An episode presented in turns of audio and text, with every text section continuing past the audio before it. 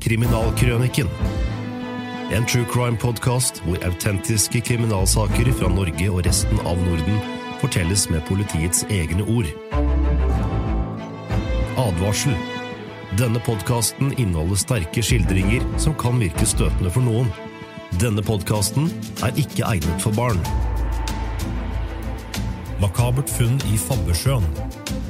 Denne episoden er bygget på en tekst av kriminalinspektør Fredrik Wettergren i Karlskrona.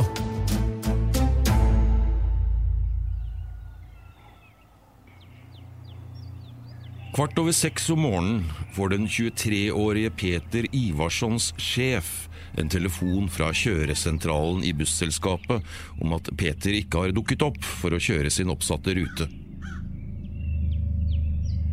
Sjefen prøver å få tak i ham både på hans private mobiltelefon og på jobbtelefonen, men uten hell. Dette gjør at han selv må steppe inn og kjøre Peters rute. Når sjefen kjører forbi bygården der Peter bor i Karlskrona sentrum klokka 07.45, ser han at bussen som Peter benytter står parkert utenfor. Han går opp og banker på døren, og da Peter ikke åpner, forsøker han å ringe enda en gang. Han hører at telefonen ringer innenfor døren, men ingen svarer. Han kikker gjennom brevsprekken og roper på Peter, men kan verken se eller høre noe.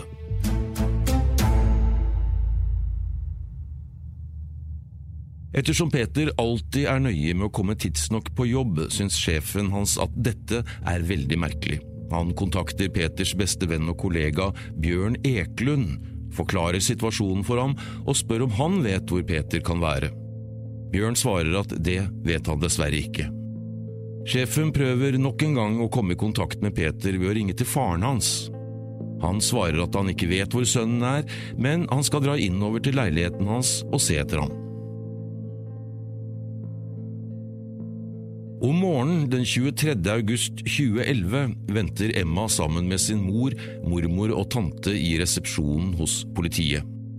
Emma, en tidligere kjæreste av Peter, vil melde ham savnet.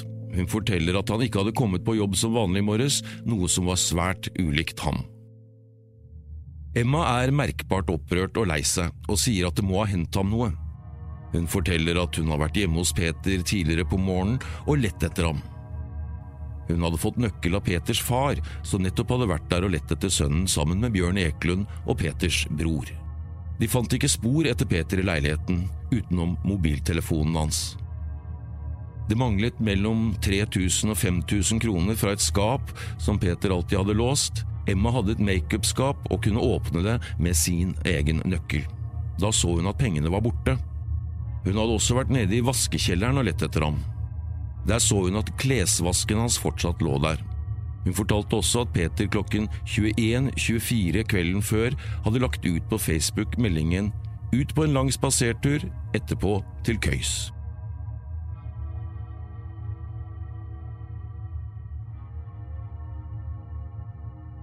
Avhørene av Peters kolleger, venner og familie pekte i forskjellige retninger.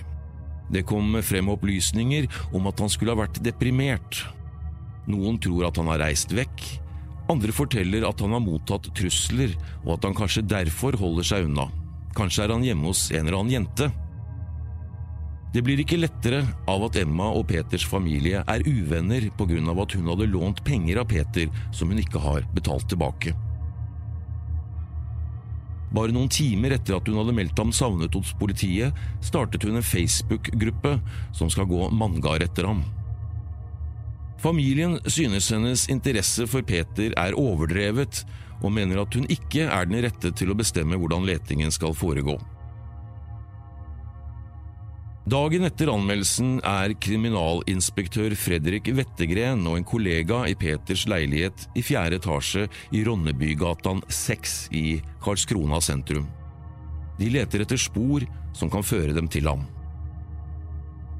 Innenfor døren står en korg med litt klesvask, den som ifølge Emma har stått i vaskekjelleren. Politimennene forvisser seg om at våpenet som Peter har fått utlevert fra Heimevernet, fortsatt befinner seg i våpenskapet.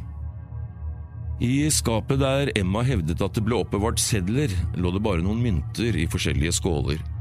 Peters pass ligger i leiligheten, sammen med en gammel billett til fergen til Polen.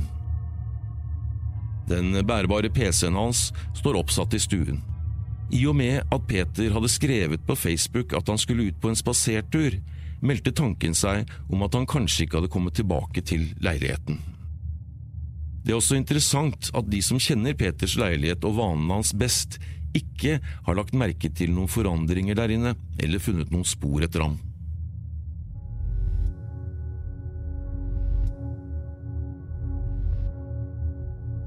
Etter bare én dag melder media om forsvinningen, og det begynner å komme inn tips fra personer som hevder å ha sett Peter.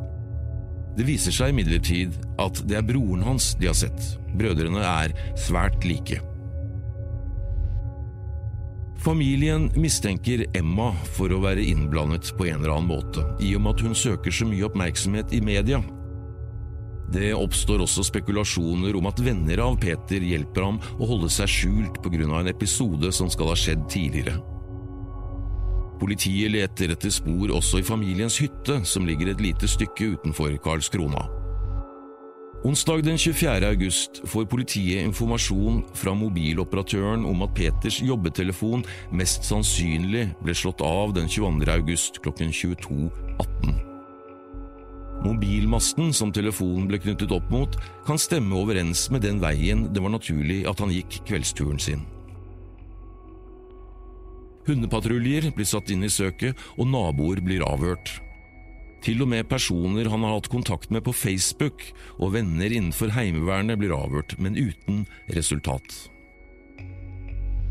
Påfølgende lørdag ringer Bjørn Eklund etter påtrykk fra Peters far og sier at han vil redegjøre for visse ting.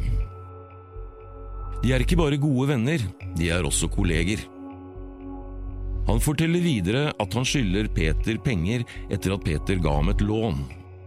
Avbetalingen har skjedd via automatiske overføringer fra bankkontoen hans.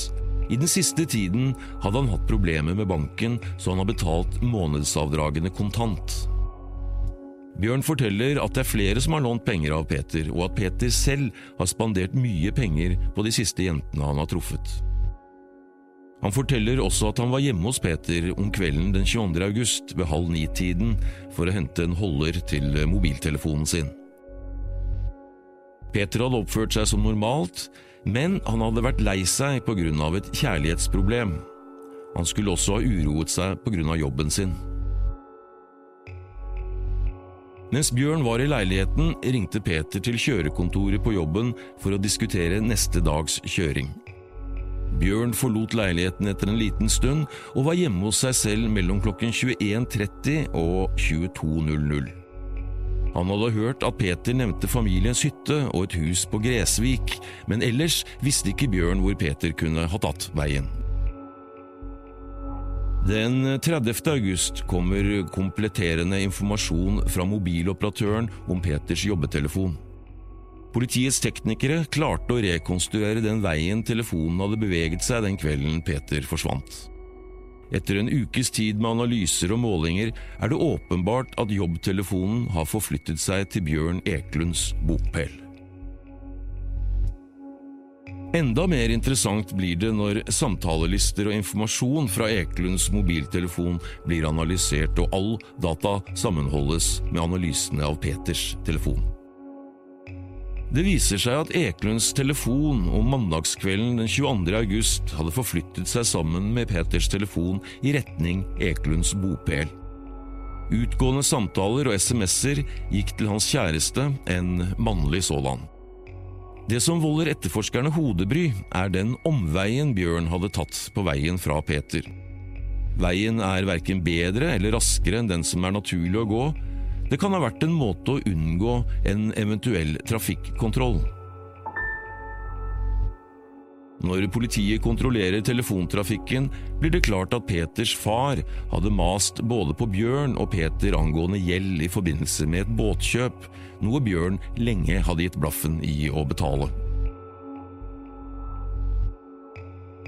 I løpet av mandag den 22. august lovte Bjørn flere ganger å komme med en delbetaling. men han dukket ikke opp, og dro i stedet til en kamerat og slo av telefonen for å slippe mer mas. Tirsdag morgen etter Peters forsvinning sendte Bjørn en SMS der han skrev God morgen, Lillen. Lillen er et kallenavn Bjørn hadde på Peter. Litt senere skriver han på Facebook Lillen, hvor er du? Bjørns bror går også inn på Peters Facebook-side og skriver klokken 10.08 dagen etter forsvinningen Peter, hvor er du? Kom hjem nå, blir urolig, min lille kaffenarkoman. Andre faktorer som veide tungt, var uttalelsen fra en bilberger. Han kontaktet politiet etter at han skulle taue vekk en havarert bil. Bjørn hadde stått ved bilen og sagt til bilbergerne at Peter kunne ligge i en eller annen sjø. Han hadde også forklart hvordan en menneskekropp oppfører seg i vannet. Han syntes det var merkelig at Bjørn hadde sagt dette. Det var også merkelig at Bjørn dagen etter Peters forsvinning hadde ringt 13 ganger til broren sin og hadde åtte SMS-kontakter med ham før de møttes klokken 13. Etter en kontakt med kemneren og en analyse av Peters økonomi viste det seg at Bjørn hadde en god del gjeld som Peter hadde forsøkt å dekke med flere lån for å hjelpe ham. Gjelden til Peter var nesten 250 000 kroner. En kontroll av Bjørns kjørebok på jobben viste at han hadde meldt sykdom to dager etter at Peter forsvant, og vært så syk at han hadde spydd i tjenestebilen han kjørte. Det er alltid en avveining hvor lenge man skal avvente og samle inn bevis, men nå anser politiet at det ikke går an å vente lenger. Bevis kan bli ødelagt.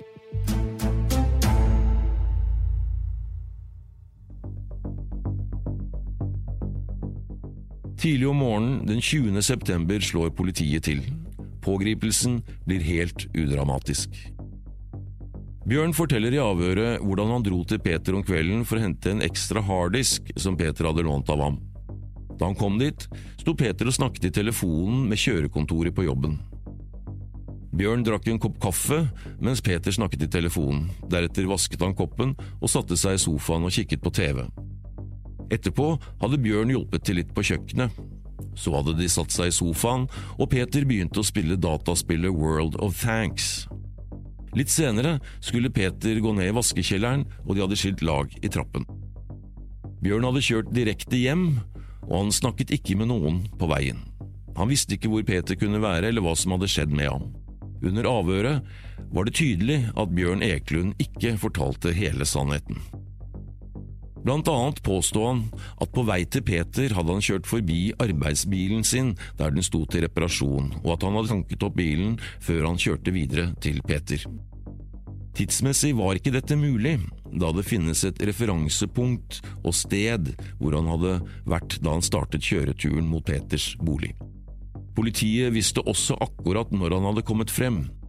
Bjørn hadde nemlig ringt til kjæresten sin klokken 20.20 og befant seg da i sentrum av Netraby. Bjørn hadde også oppgitt en kjørerute hjemover som heller ikke stemte, noe politiet visste på bakgrunn av en analyse fra telefonen hans. Kjæresten forklarte i avhør at Bjørn hadde vært sint på Peter for at han ved en anledning ikke hadde sagt fra til faren sin at Bjørn hadde lagt penger i postkassen hans. Dette hadde resultert i at 500 kroner, som var avdrag på gjelden for båten, forsvant. Da Bjørn fikk vite dette, satt han i bilen sammen med kjæresten sin og sa av og til så ønsker jeg at Peter var død. Han hadde også kommet med forskjellige ideer om hvordan man kunne gjemme et lik, eksempel under sivet i en innsjø. Kjæresten hadde hørt at Bjørn og broren hadde snakket om Peters død flere ganger etter at han forsvant, men at det mest hadde handlet om hva som kunne ha hendt ham. Han husket også at Bjørn hadde drevet på å jobbe med noe stopp i avløpsbrønnen på tomten i Skavulla onsdag eller torsdag i samme uken som Peter forsvant. Peter hadde også brent opp et teppe eller en presenning. Bjørns bror ble også avhørt, og han forteller umiddelbart at han vet hva som har skjedd. Hans mor hadde fortalt at Peter ikke hadde kommet på jobb, og at sjefen hans hadde ringt og spurt etter ham. Broren hadde da med en gang fått mistanke om at Bjørn hadde noe med forsvinningen å gjøre. Han ringte til Bjørn 0845 dagen etter forsvinningen, mens han satt i bilen sammen med konen sin og moren. Bjørn hadde da sagt at han visste hvor Peter var, for det var han som hadde tatt livet av ham. Bjørn sa da at han hadde kvalt Peter oppe i leiligheten med et skjerf mens han satt skrått bak ham. Dette hadde skjedd da Peter spilte World of Tanks. Han fortalte at Peter ikke hadde gjort spesielt mye motstand, han liksom bare sukket og ble borte. Deretter hadde Bjørn rullet kroppen hans inn i en sovepose eller et teppe og transportert kroppen ut til bilen ved hjelp av en vogn. Han hadde lagt et lite teppe over kroppen og vognen. Liket hadde han oppbevart i en brønn på tomten før han dumpet det i Fabbersjøen. Han hadde også fortalt at han hadde stjålet penger fra Peter, det dreide seg om ca.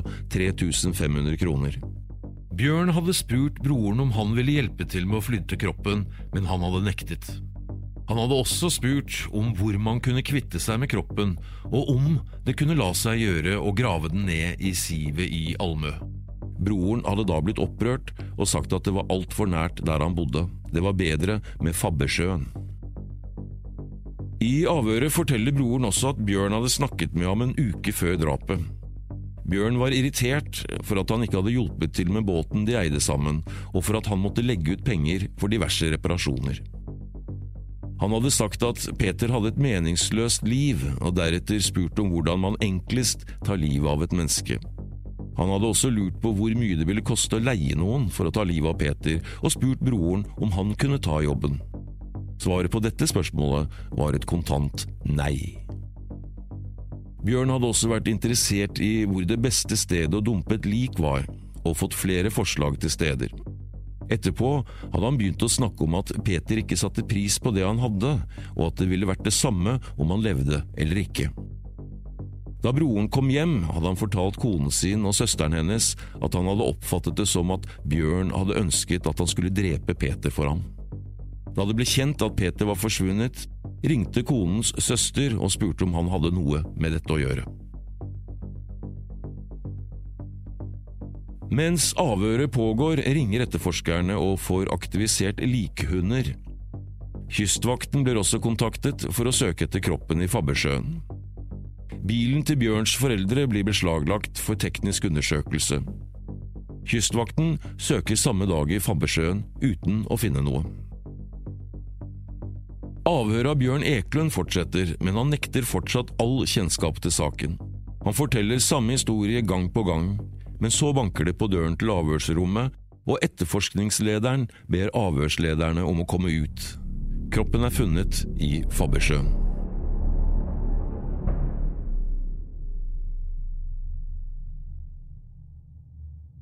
Avhørslederen ser på Bjørn, forteller ham at han nå er formelt siktet for drap, og spør om han vet hva det innebærer.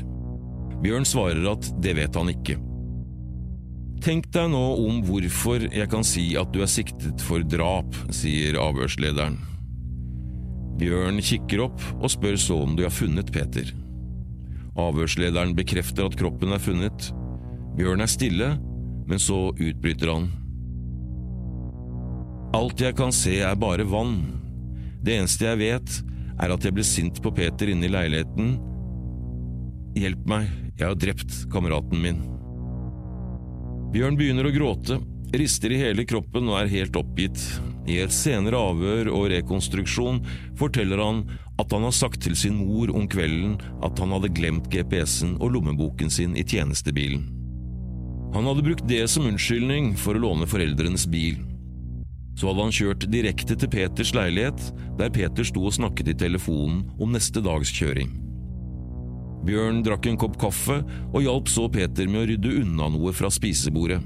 Deretter satte de seg i sofaen, og Peter hadde begynt å spille dataspillet World of Tanks. Bjørn irriterte seg over at Peter klaget over at det ikke gikk så bra for ham. Han skled så bakover i sofaen slik at han ble sittende på ryggstøet mot veggen bak Peter. Han løsnet halstørkleet sitt og laget en løkke av det. Idet Peter døde i dataspillet, la Bjørn løkken rundt halsen hans og dro til. Alt hadde gått veldig fort, og sannsynligvis besvimte Peter etter noen få sekunder av mangel på blod til hjernen. Bjørn hentet et dynetrekk og tredde det over liket. Deretter dro han kroppen bort til entreen. Han gikk ned i vaskekjelleren og hentet en vogn som ble brukt til å kjøre klesvask i. Han la kroppen så godt det lot seg gjøre i vognen, og det gikk bra i og med at Peter bare var 160 cm lang og veide omkring 55 kilo. Han tok så heisen ned med vognen og trillet den bort til bilen, en strekning på drøyt 150 meter. Peter bodde relativt sentralt, men siden det nå var mørkt, var det ikke så mye folk ute. Bjørn løftet kroppen inn i bagasjerommet, trillet vognen tilbake og gikk opp i leiligheten igjen. Der hadde han stjålet penger fra et skap, og det siste han gjorde, var å logge inn på Peters Facebook-side hvor han skrev ut på en lang spasertur, etterpå til køys.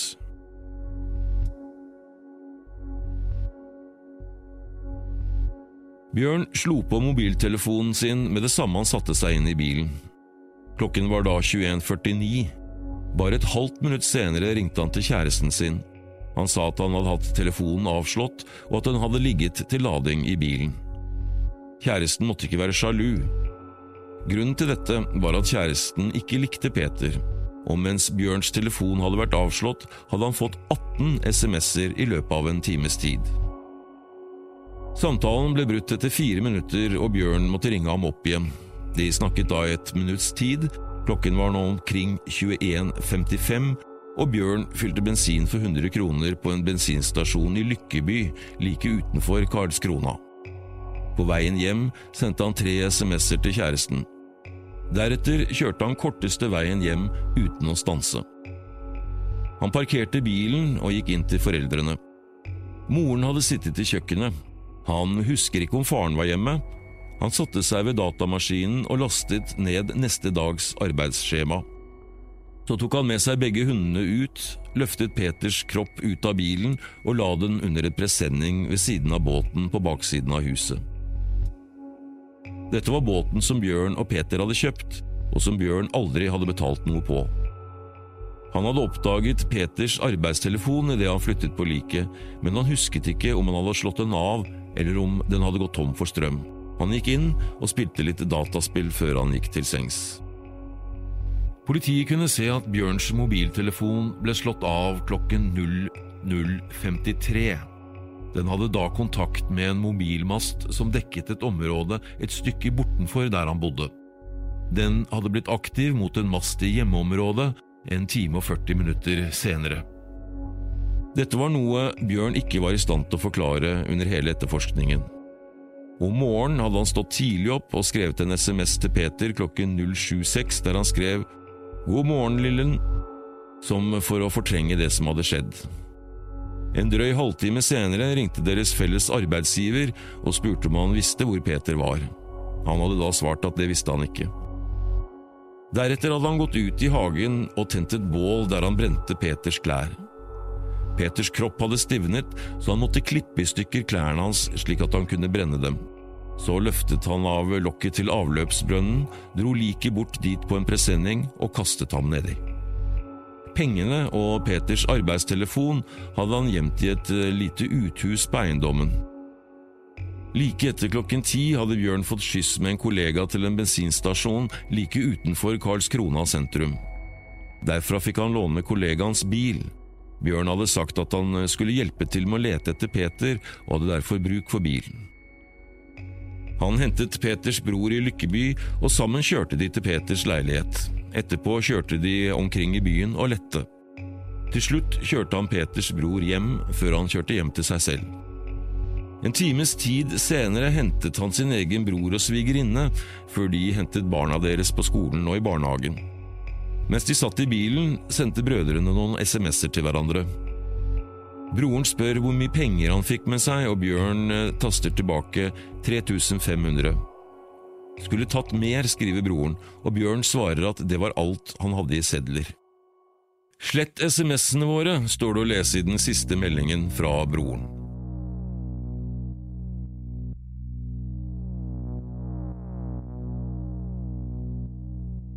Etterpå hentet de Bjørns kjæreste og kjørte hjem til Skavkulla. De to brødrene sto ute i hagen, og Bjørn skulte bort mot brønnen, som for å fortelle broren hvor han hadde gjemt Peter. Broren, som skyldte deres felles far penger, fikk 2500 kroner av pengene Bjørn hadde stjålet fra Peter. Bjørn hentet pengene fra gjemmestedet i uthuset mens broren kikket på. Broren, som var den eneste av de to som hadde en kriminell fortid, ble forferdet over Bjørns iskalde oppførsel. Bjørn hadde ved et tilfelle sagt litt spøkefullt Hva skal de kalle oss nå?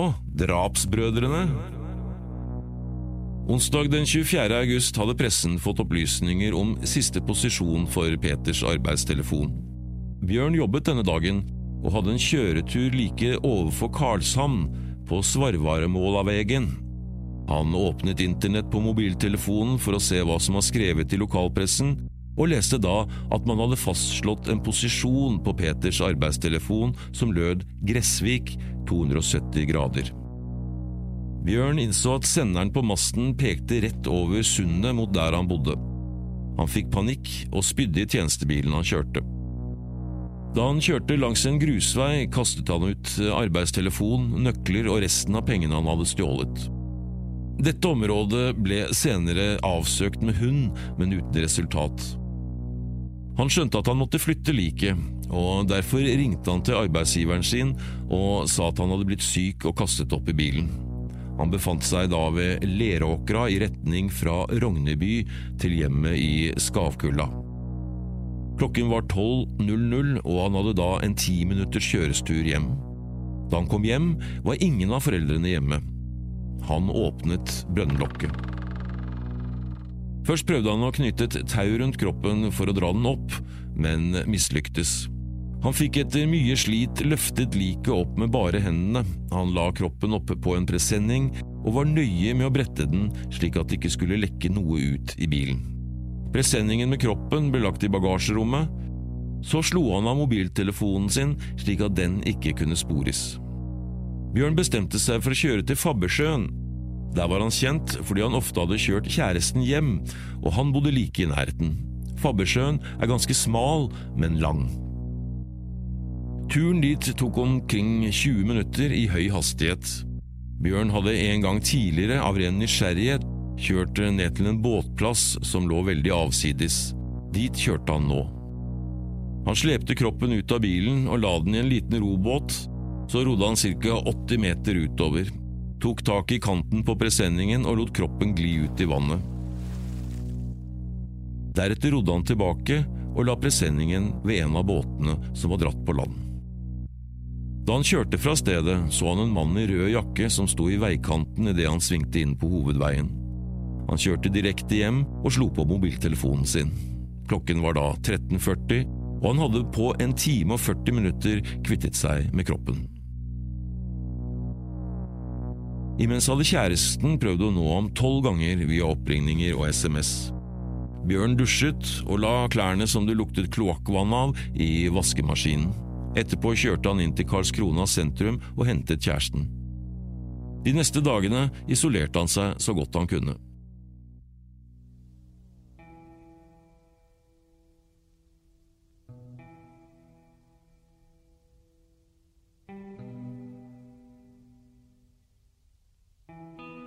I de neste avhørene kom det frem at Bjørn hadde kjørt direkte til Peters leilighet for å drepe ham. Han var blitt lei av all klagingen fra Peter, som han anså hadde det veldig godt. Bjørn hadde til og med følt at Peter hadde styrt mye av livet hans, og at han i ettertid hadde følt det som om han hadde drept diktatoren. Han ville likevel ikke innrømme at det fantes noe motiv, til tross for at han skyldte både Peter og Peters far penger. Bjørn opplyste at det var etter samtalen med broren sin om hvordan man enklest tar livet av noen, at han begynte å planlegge å ta livet av Peter. I starten av desember ber Bjørn om å bli avhørt på nytt. Han sier nå at han nekter for å ha utført drapet.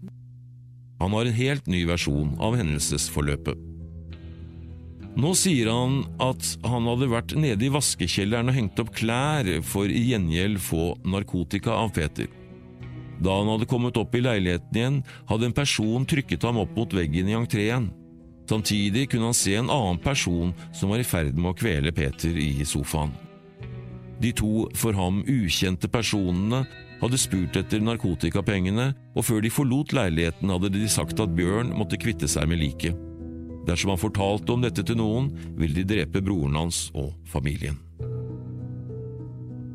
Etter denne plutselige nye og helt utrolige historien blir det foretatt en ransaking av Bjørns celle og avhør av fengselsbetjentene. Det viser seg at Bjørn hadde skrevet notater på flere papirlapper om denne nye historien han skulle fortelle politiet, og han hadde skissert flere tenkelige scenarioer. Bjørn bryter sammen igjen når han i nye avhør blir fortalt at forklaringene hans ikke stemmer overens med de fakta som ligger på bordet. Han erkjenner at han har løyet for å slippe straff. Han kommer også med nye opplysninger, som at Peter hadde urinert på seg da han ble kvalt, og at han hadde sparket med beina. Det som derimot ikke blir klarlagt, er hvorfor forklaringen om kjøreturen hans drapsnatten ikke stemmer overens med den posisjoneringen mobiltelefonen hans tilsier. I senere avhør forklarer han at han hadde stoppet fordi han ikke visste hvor han skulle gjøre av liket. Det forklarer tidsforbruket, men ikke veivalget. Undersøkelsen av Bjørns mobiltelefon viser at han har foretatt merkelige søk på Google, annet med følgende søkeord Hva skjer med en menneskekropp i vann? Fabbesjøen, hvor dyp er den? Livstid i Sverige Bjørn forklarte søket på Fabbesjøen med at han tenkte å bade der, han ville derfor vite om han kunne nå bunnen stående.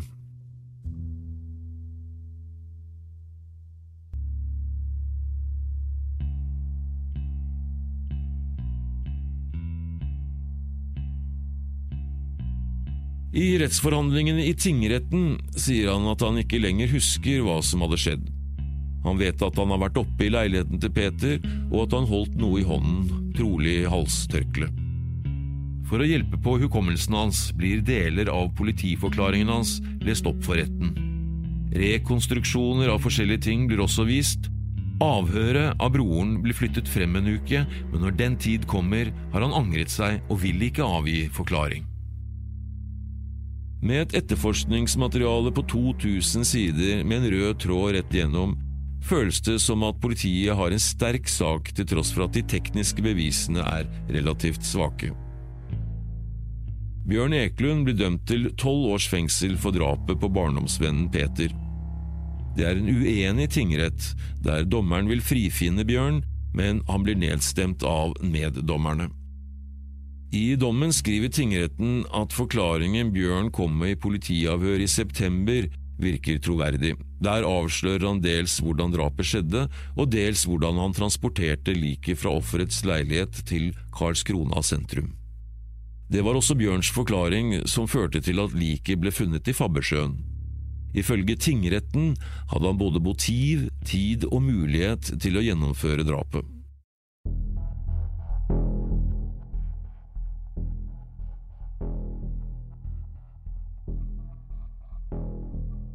Retten konstaterer at det ikke finnes teknisk bevis i saken som knytter Bjørn til drapet, men at hans egen tilståelse stemmer godt overens med de øvrige opplysninger i saken. Han blir også dømt til å betale til sammen 220 000 kroner i erstatning til dødsboet og til den dreptes foreldre og søsken. Hovretten endrer tingrettens domslutning slik. Hovretten anser det som sikkert at Peter Ivarsson ble drept, og at det sannsynligvis hadde skjedd om kvelden den 22. august 2011, men tiltalen for drap og medvirkning til drap gjøres ugyldig. Hovretten dømmer Bjørn Eklund for likskjending, jf. kapittel 16 paragraf 10 i straffeloven, og fastsetter straffen til fengsel i ett år og seks måneder. Bjørn Eklunds forklaring om hva han hadde gjort med kroppen ved Fabbesjøen, inneholder spesifikke detaljer. Dette gjelder annet beskrivelsen av hvordan båten holdt på å kantre da han skulle kaste liket over bord. Likeså tankene om mannen i rød jakke som han så da han var på vei hjem. Hovretten anser at Bjørn Eklunds forklaring om hvordan han hadde håndtert kroppen hjemme på eiendommen og ved sjøen, er så levende, innholdsrik og konsekvent at den fremstår som selvopplevd. Ved den tekniske undersøkelsen som fant sted ved Fabbesjøen den 21. september, etter at liket var funnet, markerte en av likhundene i en av båtene ved årer som lå på stranden. Resultatet av telefonsporingen og det faktum at Bjørn ikke hadde lånt bort telefonen sin, taler sterkt for at han har hatt Peters telefon i sin besittelse den 22. august om kvelden, helt til den ble slått av. Peter Ivarssons leilighet har blitt undersøkt både den 22. august og den 20. september 2011. Den første gangen ble det ikke funnet noe spesielt. Ved det andre tilfellet deltok to søkehunder. Disse som er trenet for å markere blod, sperma og liklukt, markerte på et sted i leiligheten. I avhør med forsvareren Sixten Persson har det kommet frem at Bjørn Ekelunds opplysninger om hva som hendte med Peter Ivarsson i forbindelse med kvelningen, stemmer godt overens med det som faktisk skjedde. Når det gjelder mangel på spor i leiligheten, har Bjørn fortalt at når Peter blødde fra nesen, falt blodet på en plastpose på sofaen. Denne posen kastet Bjørn senere. Han fortalte at han tørket opp urinen etter Peter. Hovretten anser at mangelen på DNA eller andre spor ikke gir støtte for, men heller ikke motsier opplysningene om hendelsesforløpet som Bjørn har gitt under etterforskningen. Oppholdet i telefontrafikken mellom Bjørn og kjæresten utgjør etter Hovrettens mening en viss begrenset støtte for hans forklaring. Opplysningene i SMS-ene er ifølge Hovrettens bedømmelse meget besværlige for Bjørn. Retten anser at det tidsmessig bør ha vært mulig for ham å ta livet av Peter og senere behandle liket slik han har forklart. Da Bjørn i politiavhør fortalte hvordan han hadde håndtert liket av Peter den 24. august 2011, og etterpå kjørt til Fabbersjøen og kastet det i vannet, stilte politiet spørsmålstegn om dette tidsmessig hadde vært mulig. En filmet rekonstruksjon som ble vist i retten, beviste at dette var mulig. Etterforskningen viser at Bjørn Eklund i politiavhør har forklart at Peter Ivarssons kropp lå i Fabbersjøen, og at han hadde tatt av av alle klærne, foruten den svarte trusen og de svarte strømpene. Alt dette stemte da Peter ble funnet. Det faktum at Bjørn Eklund kom med disse opplysningene før liket ble funnet, talte sterkt for at eh, han var gjerningsmannen. Men andre tenkelige forklaringer på at han visste dette, kunne være at han hadde vært til stede da Peter ble drept, eller da han ble kastet i Fabbersjøen. Hovretten konstaterte at noen annen kan ha drept Peter Ivarsson, og senere fortalt dette til Bjørn. I og med at dødsårsaken ikke kunne fastslås, kan det heller ikke utelukkes at Peter Ivarsson hadde blitt drept på en annen måte enn den Bjørn Eklund har beskrevet i politiavhør. Du har hørt Makabert funn i Fabbersjøen. Bygget på en tekst av kriminalinspektør Fredrik Wettergren i Karls Krona. Forteller var Hans Olav Tyvold. Produsenter var Marianne Moe og Troy Langås. Podkasten er produsert av Radiometro.